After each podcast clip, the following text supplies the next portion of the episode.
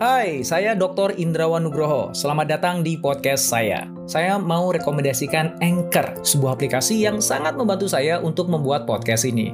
Layanan Anchor itu gratis dan kamu bisa download di App Store atau Play Store atau bisa juga diakses di websitenya www.anchor.fm. Yuk, mangga dicoba.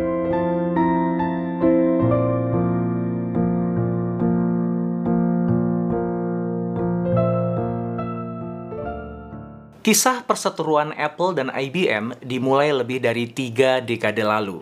Kemudian, secara mengejutkan, dua perusahaan yang punya gaya dan budaya yang sangat berbeda ini memutuskan untuk naik pelaminan. Ada apa gerangan? Berhasilkah pernikahan dua raksasa yang egonya selangit ini? Bagaimana nasib hubungan mereka sekarang? Dan apa pelajaran penting yang bisa kita ambil?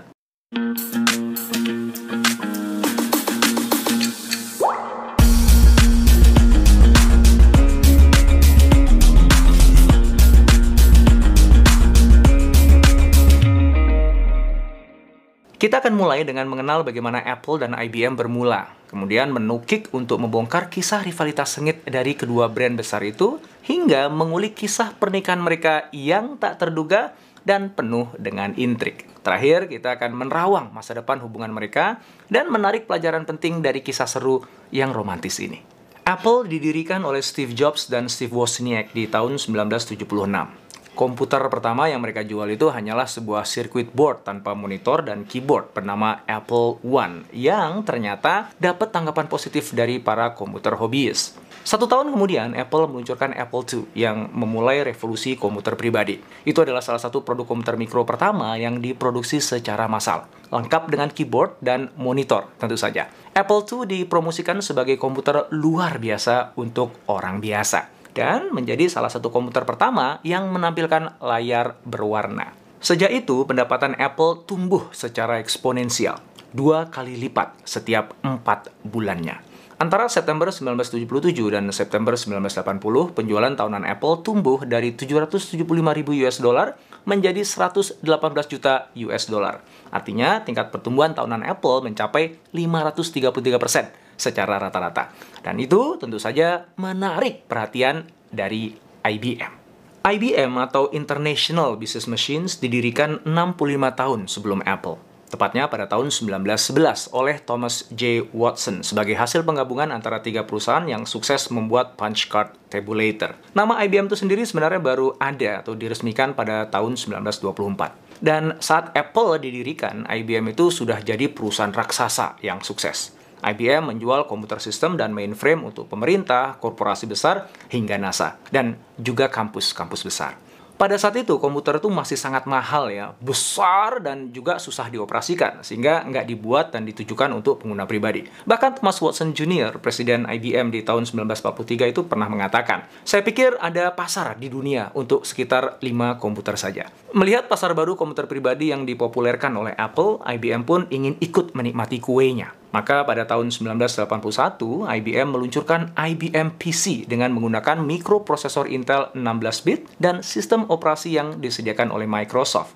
Apple yang merasa area permainannya disusupi oleh IBM mengeluarkan iklan yang menyambut sekaligus menyentil IBM. Selamat datang IBM. Seriously, begitu iklan itu berkata. Apple mengucapkan selamat datang ke IBM ke dalam pasar komputer pribadi yang sangat mengasihkan. Dan tentu saja khas Steve Jobs ya, sambil menyombongkan prestasi yang Apple telah capai di pasar yang baru itu.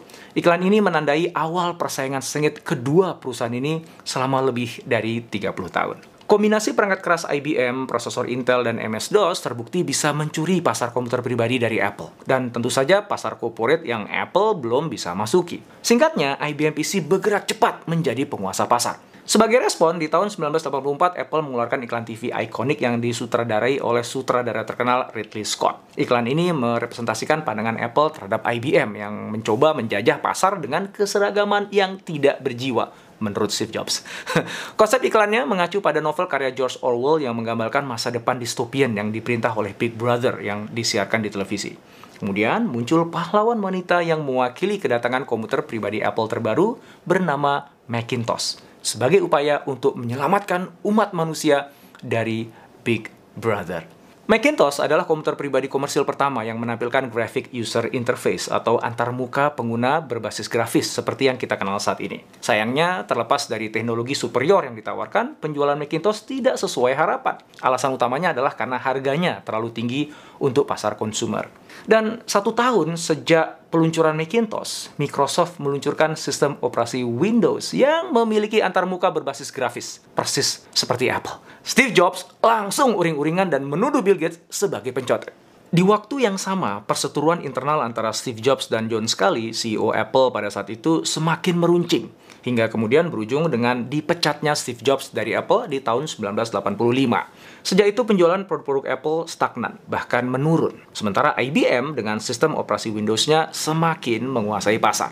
Sebagai upaya IBM untuk mendominasi pasar komputer pribadi, IBM meluncurkan iklan yang playful dengan menampilkan tokoh Charlie Chaplin. Kesan IBM sebagai produk kompleks yang membosankan untuk korporat ingin diganti dengan kesan produk yang lebih menyenangkan dan mudah digunakan. Intinya, IBM ingin mengatakan bahwa ia adalah Apple tapi lebih bisa diandalkan. Sebuah pukulan telak ke jantung Apple. Oh ya, trivia. Sebelum Macintosh, Apple pernah meluncurkan Apple Free yang berorientasi untuk pengguna bisnis. Maksudnya sih ingin mengambil pangsa pasar korporasi yang didominasi oleh IBM. Tapi ternyata Apple Free nggak laku di pasar korporat, alias flop. Hai, sebelum kita lanjut podcastnya, kamu sudah pernah dengar Anchor kan? Anchor adalah all-in-one podcast editing platform yang saya gunakan untuk rekaman, edit suara, tambah lagu, dan semua hal dalam pembuatan podcast yang sedang kamu dengerin ini. Anchor bisa membantu kamu bikin podcast kamu sendiri loh. Caranya gampang, tinggal download dari App Store atau Play Store, atau bisa juga diakses di www.anchor.fm. Download Anchor sekarang ya.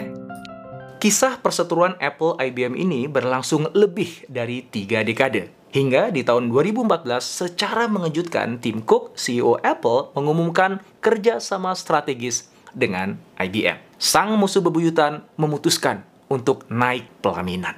Oh, so romantic. Sebenarnya ini bukan pernikahan Apple IBM yang pertama loh ya. Ini adalah pernikahan mereka yang kedua tepatnya. Pernikahan pertamanya itu terjadi di tahun 1991 yang melibatkan IBM, Apple, dan Motorola. Sebenarnya nggak pas juga ya disebut pernikahan ya one night threesomes perhaps atau kawin kontrak ya. Anyway, itu semua terjadi ketika Steve Jobs udah nggak lagi ada di Apple. Ceritanya gini, popularitas IBM PC itu memancing munculnya produk cloningan yang disebut dengan IBM PC Compatible. Ini adalah komputer non-IBM yang bekerja layaknya IBM PC. Jadi IBM itu telah membuat kesalahan fatal di awal, yaitu mengizinkan Microsoft untuk menjual sistem operasinya ke perusahaan lain selain IBM. Dan ini berujung pada aliansi maut yang dikenal dengan Wintel Windows Intel yang mendefinisikan industri komputer hingga hari ini. Semua produsen komputer bisa menggunakan Wintel dalam produknya, menjadikan mereka IBM PC compatible. Maka tiba-tiba pasar dipenuhi dengan IBM PC cloningan. Perusahaan-perusahaan seperti Compaq, Hewlett Packard, dan Texas Instruments menikmati gurihnya pasar komputer pribadi yang tengah berkembang pada saat itu. Sementara IBM semakin terpinggirkan. Di saat yang sama, Apple membutuhkan prosesor baru yang lebih powerful untuk dibenamkan ke dalam produk Macintosh-nya. Tujuannya adalah untuk membendung dan kalau bisa mengalahkan dominasi komputer berbasis Wintel yang ada di pasar. Maka untuk pertama kalinya Apple dan IBM memiliki musuh bersama. Hal ini mendorong Apple untuk bekerja sama dengan IBM. Apple kemudian meminta IBM untuk membuat prosesor untuk Apple dan beragam software yang menyertainya. Dan untuk menghindari ketergantungan, Apple juga meminta IBM untuk menggandeng Motorola dalam memproduksi chip prosesornya. Maka lahirlah aliansi AIM, Apple, IBM, Motorola. Dalam perjanjian kerjasama itu, IBM juga sepakat untuk menjual produk-produk Apple ke corporate atau perusahaan yang jadi basis pelanggannya. Dari kerjasama itu, satu software tercipta, yaitu sebuah aplikasi yang bisa membuat Apple dan IBM bicara satu sama lain. Tapi ya, cuman itu aja. Ternyata tabrakan kepentingan dan ketidakjelasan strategi membuat proses pengembangan software itu terhambat, bahkan terhenti. IBM juga ternyata separuh hati menjual produk-produk Apple ke korporasi. Ada satu hal baik sih yang muncul dari kerjasama ini, yaitu prosesor PowerPC yang diluncurkan pertama kali pada tahun 1993 dan selama satu dekade mentenagai beragam produk Macintosh dari Apple. Sebelum kemudian Steve Jobs kembali ke Apple dan di tahun 2005 mengumumkan untuk tidak lagi menggunakan PowerPC dan beralih ke Intel untuk mentenagai semua produk komputer Apple. Begitulah kemudian jalan kedua perusahaan ini kembali menyimpang. Rivalitas keduanya berlanjut. Hingga kemudian sesuatu yang tak terduga terjadi. Tim Cook, CEO Apple yang baru di tahun 2014, mengumumkan kemitraan eksklusif dengan IBM. Kemitraan ini menggabungkan kekuatan dari Apple dan IBM untuk mengubah mobilitas perusahaan melalui aplikasi bisnis yang berkelas dengan menggabungkan kemampuan big data dan analitik dari IBM ke dalam iPhone dan iPad. Sebagai bagian dari perjanjian, IBM juga akan menjual iPhone dan iPad dengan solusi khusus industri kepada pelanggan bisnis di seluruh dunia. Solusi yang disebut dengan IBM Mobile First untuk iOS itu akan mencakup lebih dari 100 aplikasi khusus untuk setiap industri. Selain itu, IBM juga akan menjual perangkat bergerak Apple ke korporasi sekaligus memberikan layanan instalasi hingga perawatannya. Pertanyaannya adalah, apa yang mendorong kedua rival ini untuk menjalin kemitraan eksklusif? Apalagi kan mereka punya sejarah yang kurang baik ya di masa lalu ya. Perlu diketahui bahwa semenjak berakhirnya aliansi Apple, IBM, Motorola di tahun 90-an, jalan Apple dan IBM tuh semakin berbeda. Apple fokus pada pasar konsumer, sementara IBM fokus pada pasar bisnis corporate. Apple kemudian berkembang dan melahirkan beragam perangkat bergerak yang sangat populer seperti iPhone dan iPad, sementara IBM menjadi jawara dalam bidang pengolahan big data, analitik, dan komputasi awan. Semakin ke sini, Apple semakin menyadari bahwa pasar smartphone untuk konsumer itu sudah cukup jenuh, terutama segmen menengah atas yang mampu membayar untuk iPhone terbaru dan tercanggih. Mereka perlu membuat terobosan di segmen bisnis untuk membuka ruang bertumbuh yang lebih besar. Sementara IBM yang gelisah dengan penjualan yang mulai menurun membutuhkan cara untuk menyajikan layanan machine learning dan komputasi awannya dengan memanfaatkan platform mobile yang sudah matang dan sudah digunakan secara luas di korporasi. Nah, inilah letak di mana kepentingan dari dua perusahaan ini bertemu. Apple ingin masuk lebih dalam ke dunia korporat, sementara IBM ingin menunggangi perangkat bergerak milik Apple yang sudah digunakan oleh lebih dari 98% perusahaan Fortune 500 dan lebih dari 92% perusahaan Global 500. Gini Rometty, Chairman, Presiden, dan CEO IBM mengatakan bahwa aliansi dengan Apple ini akan membangun momentum kami dalam menghadirkan inovasi kepada klien kami secara global dan memanfaatkan kepemimpinan IBM dalam analitik, cloud, perangkat lunak, dan layanan. Lalu sejauh mana peluang keberhasilan pernikahan kedua dari Apple dan IBM ini? Benjamin Gomes, Professor of Business and Society di Brandeis University, mengatakan bahwa komitmen jangka panjang di dunia, di mana teknologi berkembang hampir setiap hari, sulit dipertahankan kemitraan eksklusif terus menjadi tantangan tidak hanya bagi individu yang bekerja dalam kemitraan sehari-harinya, tapi juga untuk perusahaan itu sendiri. Benjamin mencontohkan kerjasama eksklusif antara Amazon dan Toy R Us yang akhirnya berujung di pengadilan 4 tahun kemudian. Sebenarnya terkait ini Apple dan IBM pun sudah mengalaminya sendiri. Lalu, apa yang membuat kemitraan eksklusif Apple dan IBM edisi kedua ini bakalan sukses dan berkelanjutan? Charles King, seorang analis di Pun IT, menyebutkan bahwa IBM dan Apple saat ini adalah dua perusahaan yang sangat berbeda dibandingkan tahun 1991. Ketika kesepakatan tahun 1991 itu dibuat, itu adalah kesepakatan antara pemasok dan produsen. Sementara kemitraan eksklusif yang dibangun di tahun 2014 lalu merupakan kemitraan dari dua perusahaan yang lebih setara menurut dia. Bukan hanya sekedar kerjasama antara pemasok dan pabrikan. Hal ini dinilai King memberikan kemitraan kali ini peluang keberhasilan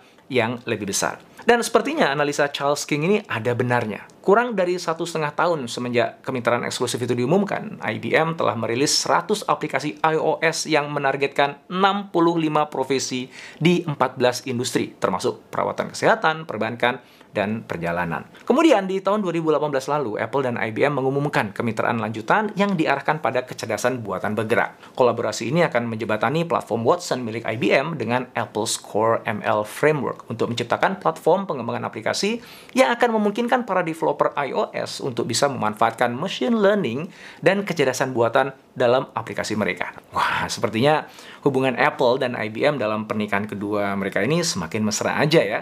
Semoga terus jadi pasangan yang sakinah mawadah warohmah ya. Jadi apa aja sih lessons learned yang kita bisa ambil dari kisah musuh bebuyutan yang naik pelaminan ini? Menurut saya setidaknya ada tiga. Pertama, kalau nggak suka, jangan terlalu benci. Kalau sayang, jangan terlalu cinta. Karena benci bisa berubah jadi rindu, dan cinta bisa berbalik jadi khianat.